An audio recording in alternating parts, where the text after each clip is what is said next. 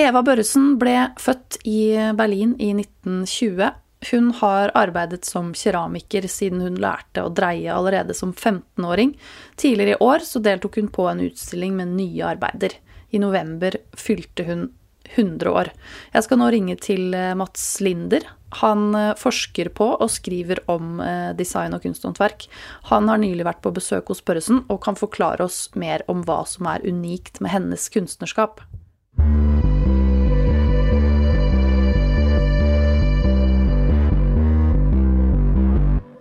Da begynner vi bare rett på, vi. Hvem er Eva Børresen, Mats? Eva kommer opprinnelig fra Berlin. Ble født der i 1920. Eh, var interessert i skulptur og sen eh, utdannelse innenfor keramikk. I eh, Berlin så traff hun en mann som het eh, Runar Børresen. Eh, en nordmann som studerte til møbelsnekker, interiørarkitekt. De forlovet seg i Berlin, faktisk under krystallnatten. Sommeren 1939 så ble Eva med Runar til Norge. Og hun skulle få møte hans foreldre.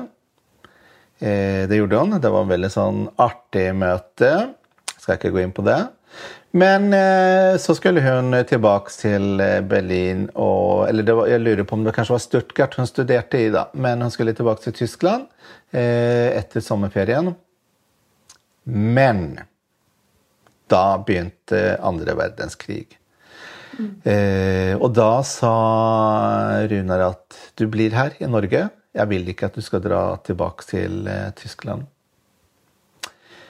Og det var det som skjedde. Hun ble i Norge. Og de giftet seg etter hvert. Eh, og jeg tenker sånn at være tysk i Norge før eh, Norge ble okkupert, det må jo i grunnen vært veldig vanskelig. Men hun ble faktisk veldig godt mottatt av lokalbefolkningen, også etter okkupasjonen. Eh, så jeg tenker liksom at det må ha vært stort og følt det som eh, den her herskerklassen som plutselig kommer inn i Norge. Hun er en del av den, men hun vil allikevel ikke være en del av den. Eh, hun var jo, eller er jo antifascist til de grader. Og har jo aldri hatt noen sympatier med eh, nazipartiet. Så for henne så var det liksom naturlig å bli en del av det norske samfunn. Så hun hjalp jo til f.eks. som frivillig på sykehuset. Det var vel i Lillestrøm, om jeg ikke husker helt feil. Eh, senere så flytta hun og mannen til Oslo. Han eh, begynte som eh, interiørarkitekt hos eh, Per Tannum. Per Tannum han er jo på en måte en av de store kulturpersonlighetene i Norge i den perioden. Han etablerte bl.a. Tannemøbler, tidsskriftet Bonytt. Senere på 50-tallet så var det jo brukskunstorganisasjonen Pluss. Men eh, da Runar begynte som designer hos Tannum, så var det primært for Tannum-møbler, og så også for Bruksbo tegnekontor. Eh, de fikk eh, relativt snart barn. Eh, men eh, Eva hadde jo også et ønske om å jobbe med keramikk. Så under krigen så var det jo vanskeligheter med mat. Det var store rasjoneringer. Eh, kjøtt, blant annet, eh, var jo noe som eh, var en sjeldenhet. Og folk hadde jo kaniner som de hadde i bakgårder og i leiligheter og rundt omkring. Og da begynte hun på en liten fabrikk å dreie kaninskåler. Så det er på en måte hennes start som profesjonell keramiker her i Norge. Mm. Hvordan ble du først kjent med arbeidene hennes? Husker du første gang du så noe av henne? Ja, det var faktisk på en auksjon i Trondheim. Eh, Andersen Antikk Auksjon hadde visning på Ringve eh, musikkmuseet i Trondheim. Og der var det en liten bolle i svart keramikk med risset hvit dekor. Og den ble jeg litt småforelsket i. Min inngang til eh, norsk design og kunsthåndverk, er eh, 50- og 60-tallet. Og jeg kan i grunnen ikke forklare hvorfor den perioden er så spennende. Men jeg tror det har noe med disse organiske formene å gjøre. Og det er kanskje ikke altfor mye sånn maskinuttrykk, eh, hvis man ser på designet som det har blitt senere. Eh, men så er det også her, jeg er jo opprinnelig utdanna billedkunstner fra Kunstakademiet i Trondheim. Og det her å se den dekoren, det har noe For jeg, jeg i grunnen så øh, liker jeg det dekorative. Samtidig som billedkunstner så kan det være litt sånn fy-fy. Men det er kanskje også inngangen for meg til eh, eh, design og kunsthåndverk. Det er liksom at her kan man tillate seg å være dekorativ. Og det er noe med den skålen på auksjonen som jeg følte liksom Ja. Sen er teksturen i den bollen òg. Den har litt sånn ru overflate. Så jeg mistenker at det er kanskje en liten gnutter sjamott i den. Så det var i grunnen mitt første fysiske møte med arbeidene til Eva Børresen. Og det var jo ca. i år 2000 eller rundt omkring der. Mm. Men er, nå er det jo da Ja, som sagt så ble hun jo Fylte jo nettopp 100 år, så det er jo et veldig, veldig langt kunstnerskap. Kan du liksom si noe om hva som preger uttrykket hennes, eller om det er på en måte Er det en rød tråd der at det, Eller er det en sånn veldig stor utvikling fra tidlig til, til de siste arbeidene hun har lagd? Hvis jeg hopper tilbake til, det, til 50-tallet, så tenker jeg at her er vi inne på noe som jeg vil kalle det her tidlig Scandinavian design i eh, keramikken. Det er organiske former, det er enkle former. Eh, materialet får snakke veldig mye. Det er ikke noen sånn hokus pokus-glasurer. Og hun har litt sånn stilisert eh, dekor, gjerne gravert inn i godset. Så frem til midten av 50-tallet så syns jeg nok liksom at her er hun uh, mye innenfor det skandinaviske med de her rendyrka formene. Uh, samtidig så har hun uh, en del keramikk som er veldig mørk i godset. Og det føles kanskje ikke like norsk eller skandinavisk ut. Da tenker jeg at da beveger vi mer mot den tyske kulturarven. Hvorfor tenker du at Eva Børresens kunstnerskap fortjener oppmerksomhet i dag? Eh, jeg tror nok at Eva har holdt en lav profil egentlig gjennom hele sitt kunstnerskap. Og det er nok veldig typisk for mange kvinner av hennes generasjon.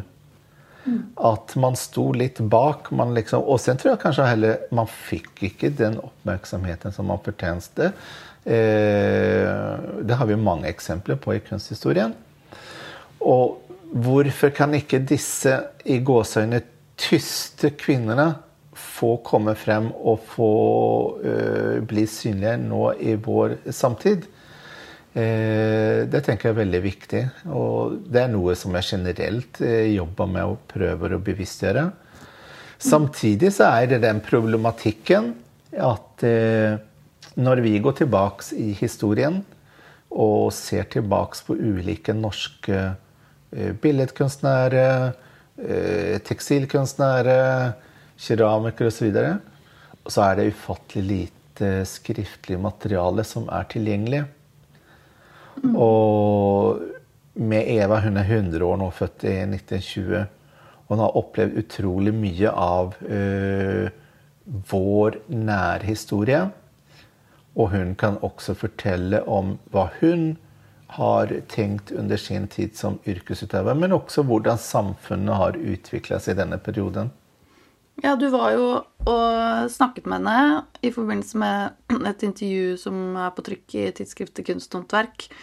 Og da snakket hun vel også ikke sant, En del er jo den personlige historien hennes, men også den faglige historien med utviklingen av keramikken fra hun starta til, til i dag. Hva, hun, hva sa hun om det?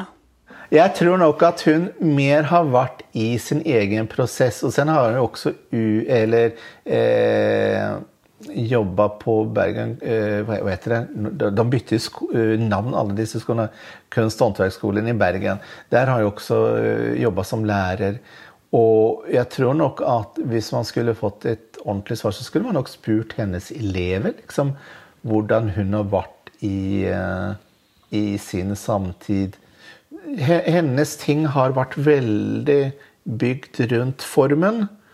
Eh, og dekoren Eller hvis man tenker på eh, slutten av 50-tallet, så ble glasuren viktigere og viktigere som et eget selvstendig uttrykk eh, i keramikken. Eh, hvis vi ser til norske forhold.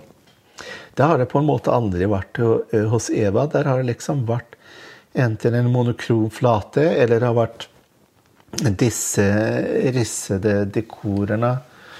Men så skjer det også ting underveis som jeg syns er litt sånn interessant å se tilbake på, som på begynnelsen av 60-tallet. Eh, da er vi fortsatt rundt bruksformen. Da er det noen kanner som hun laga. Og da begynner hun med en stemplet dekor i stedet for en risset dekor. Og jeg har tenkt litt på disse tingene som jeg syns er utrolig vakre eh, bruksgjenstander. Her har vi virkelig den tyske arven som kommer inn. Eh, vi kan se tilbake på eh, middelalderkeramikk. Og samtidig som Bauhaus-keramikken. Eh, tydelige, skulpturale, håndfaste urformer. Og, det, og, og sen har vi spesielt to kanner. En tekanne. Eh, nå husker jeg litt usikker på om jeg husker navnet Jeg tror at det var en keramiker som het Theodor Bogle på Bauhaus, som jobba med alle, alle former. Liksom Tuten hadde en veldig eh, definert form. Korpus hadde en definert form. Hanken. Eh, Lokknappen. Og, og, jeg vet liksom ikke hvorfor det kom opp i hennes kunstnerskap den gang. Eh, for det er litt sånn atypisk enn man ser ellers i eh, kunsthåndverket i den perioden tidlig eh, 60-tall. Men hun skiller hun seg Så hun på en måte skiller seg litt ut fra sin samtid samtidig som hun liksom holder på med sitt sitt eget uttrykk, og kanskje ikke så mye tar, eh, tar stilling til det samtidige kunsthåndverket, eller? Jeg tenker at hun er jo eh, definitivt en del av samtiden. Samtidig så eh, opplever jeg at hun ikke er sammenlignbar med andre. Eh, allikevel så kan man plassere tingene og lage i en tidsperiode. Så jeg tror det er veldig vanskelig mange ganger å gå ut av tidsperioden vi er i. Eh, sen er jo selvfølgelig de helt unike kunstnerne som er vanskelig å plassere. Men hun eh, har et eget formspråk, og jeg hvis ikke jeg hadde sett hennes ting, så hadde jeg ikke kunnet sagt det her er norsk, det her er, det her er ditten eller datten. Det her kunne like gjerne vært amerikansk for en saks skyld. Eh, og tenker på det her med at hun har i grunn hele sitt kunstnerskap forankra i eh, brukskunsten, så er det noe som skjer en gang på ja, rundt midten av 60-tallet. Da smeller hun til å jobbe med noe som begynner å ligne på friere kunst. Så jeg sitter med bildet eh, foran meg nå, og jeg, jeg, jeg, ser på dette som en abstrakt skulptur. Så har den allikevel en funksjon.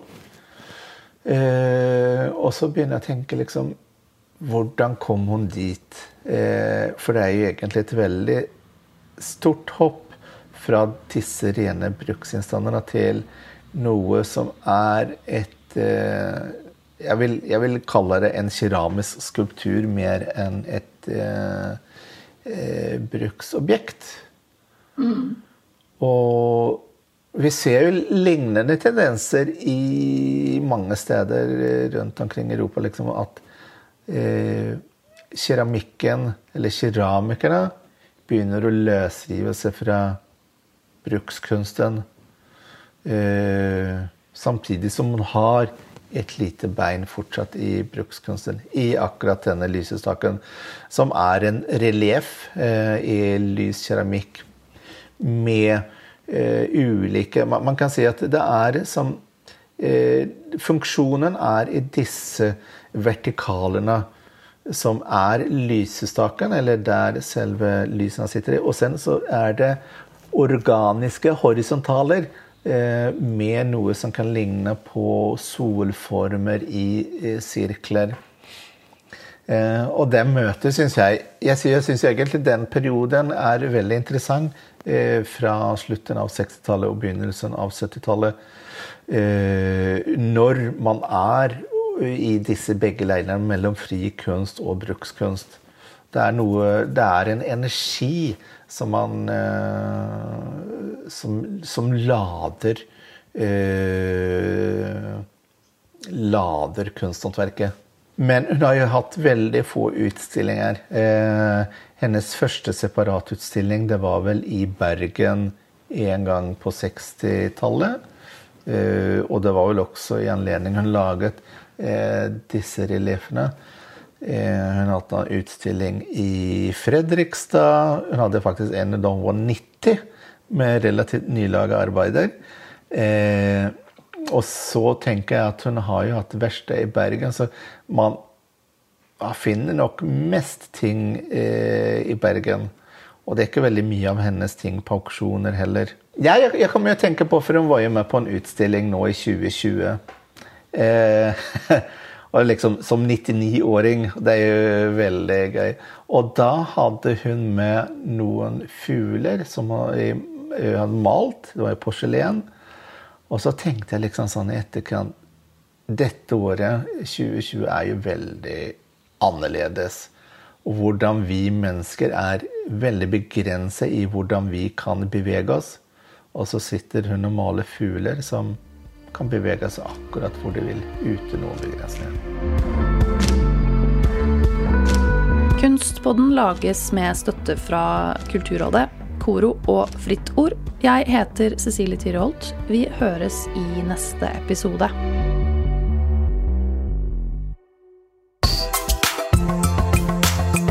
Produsert av Flink pike.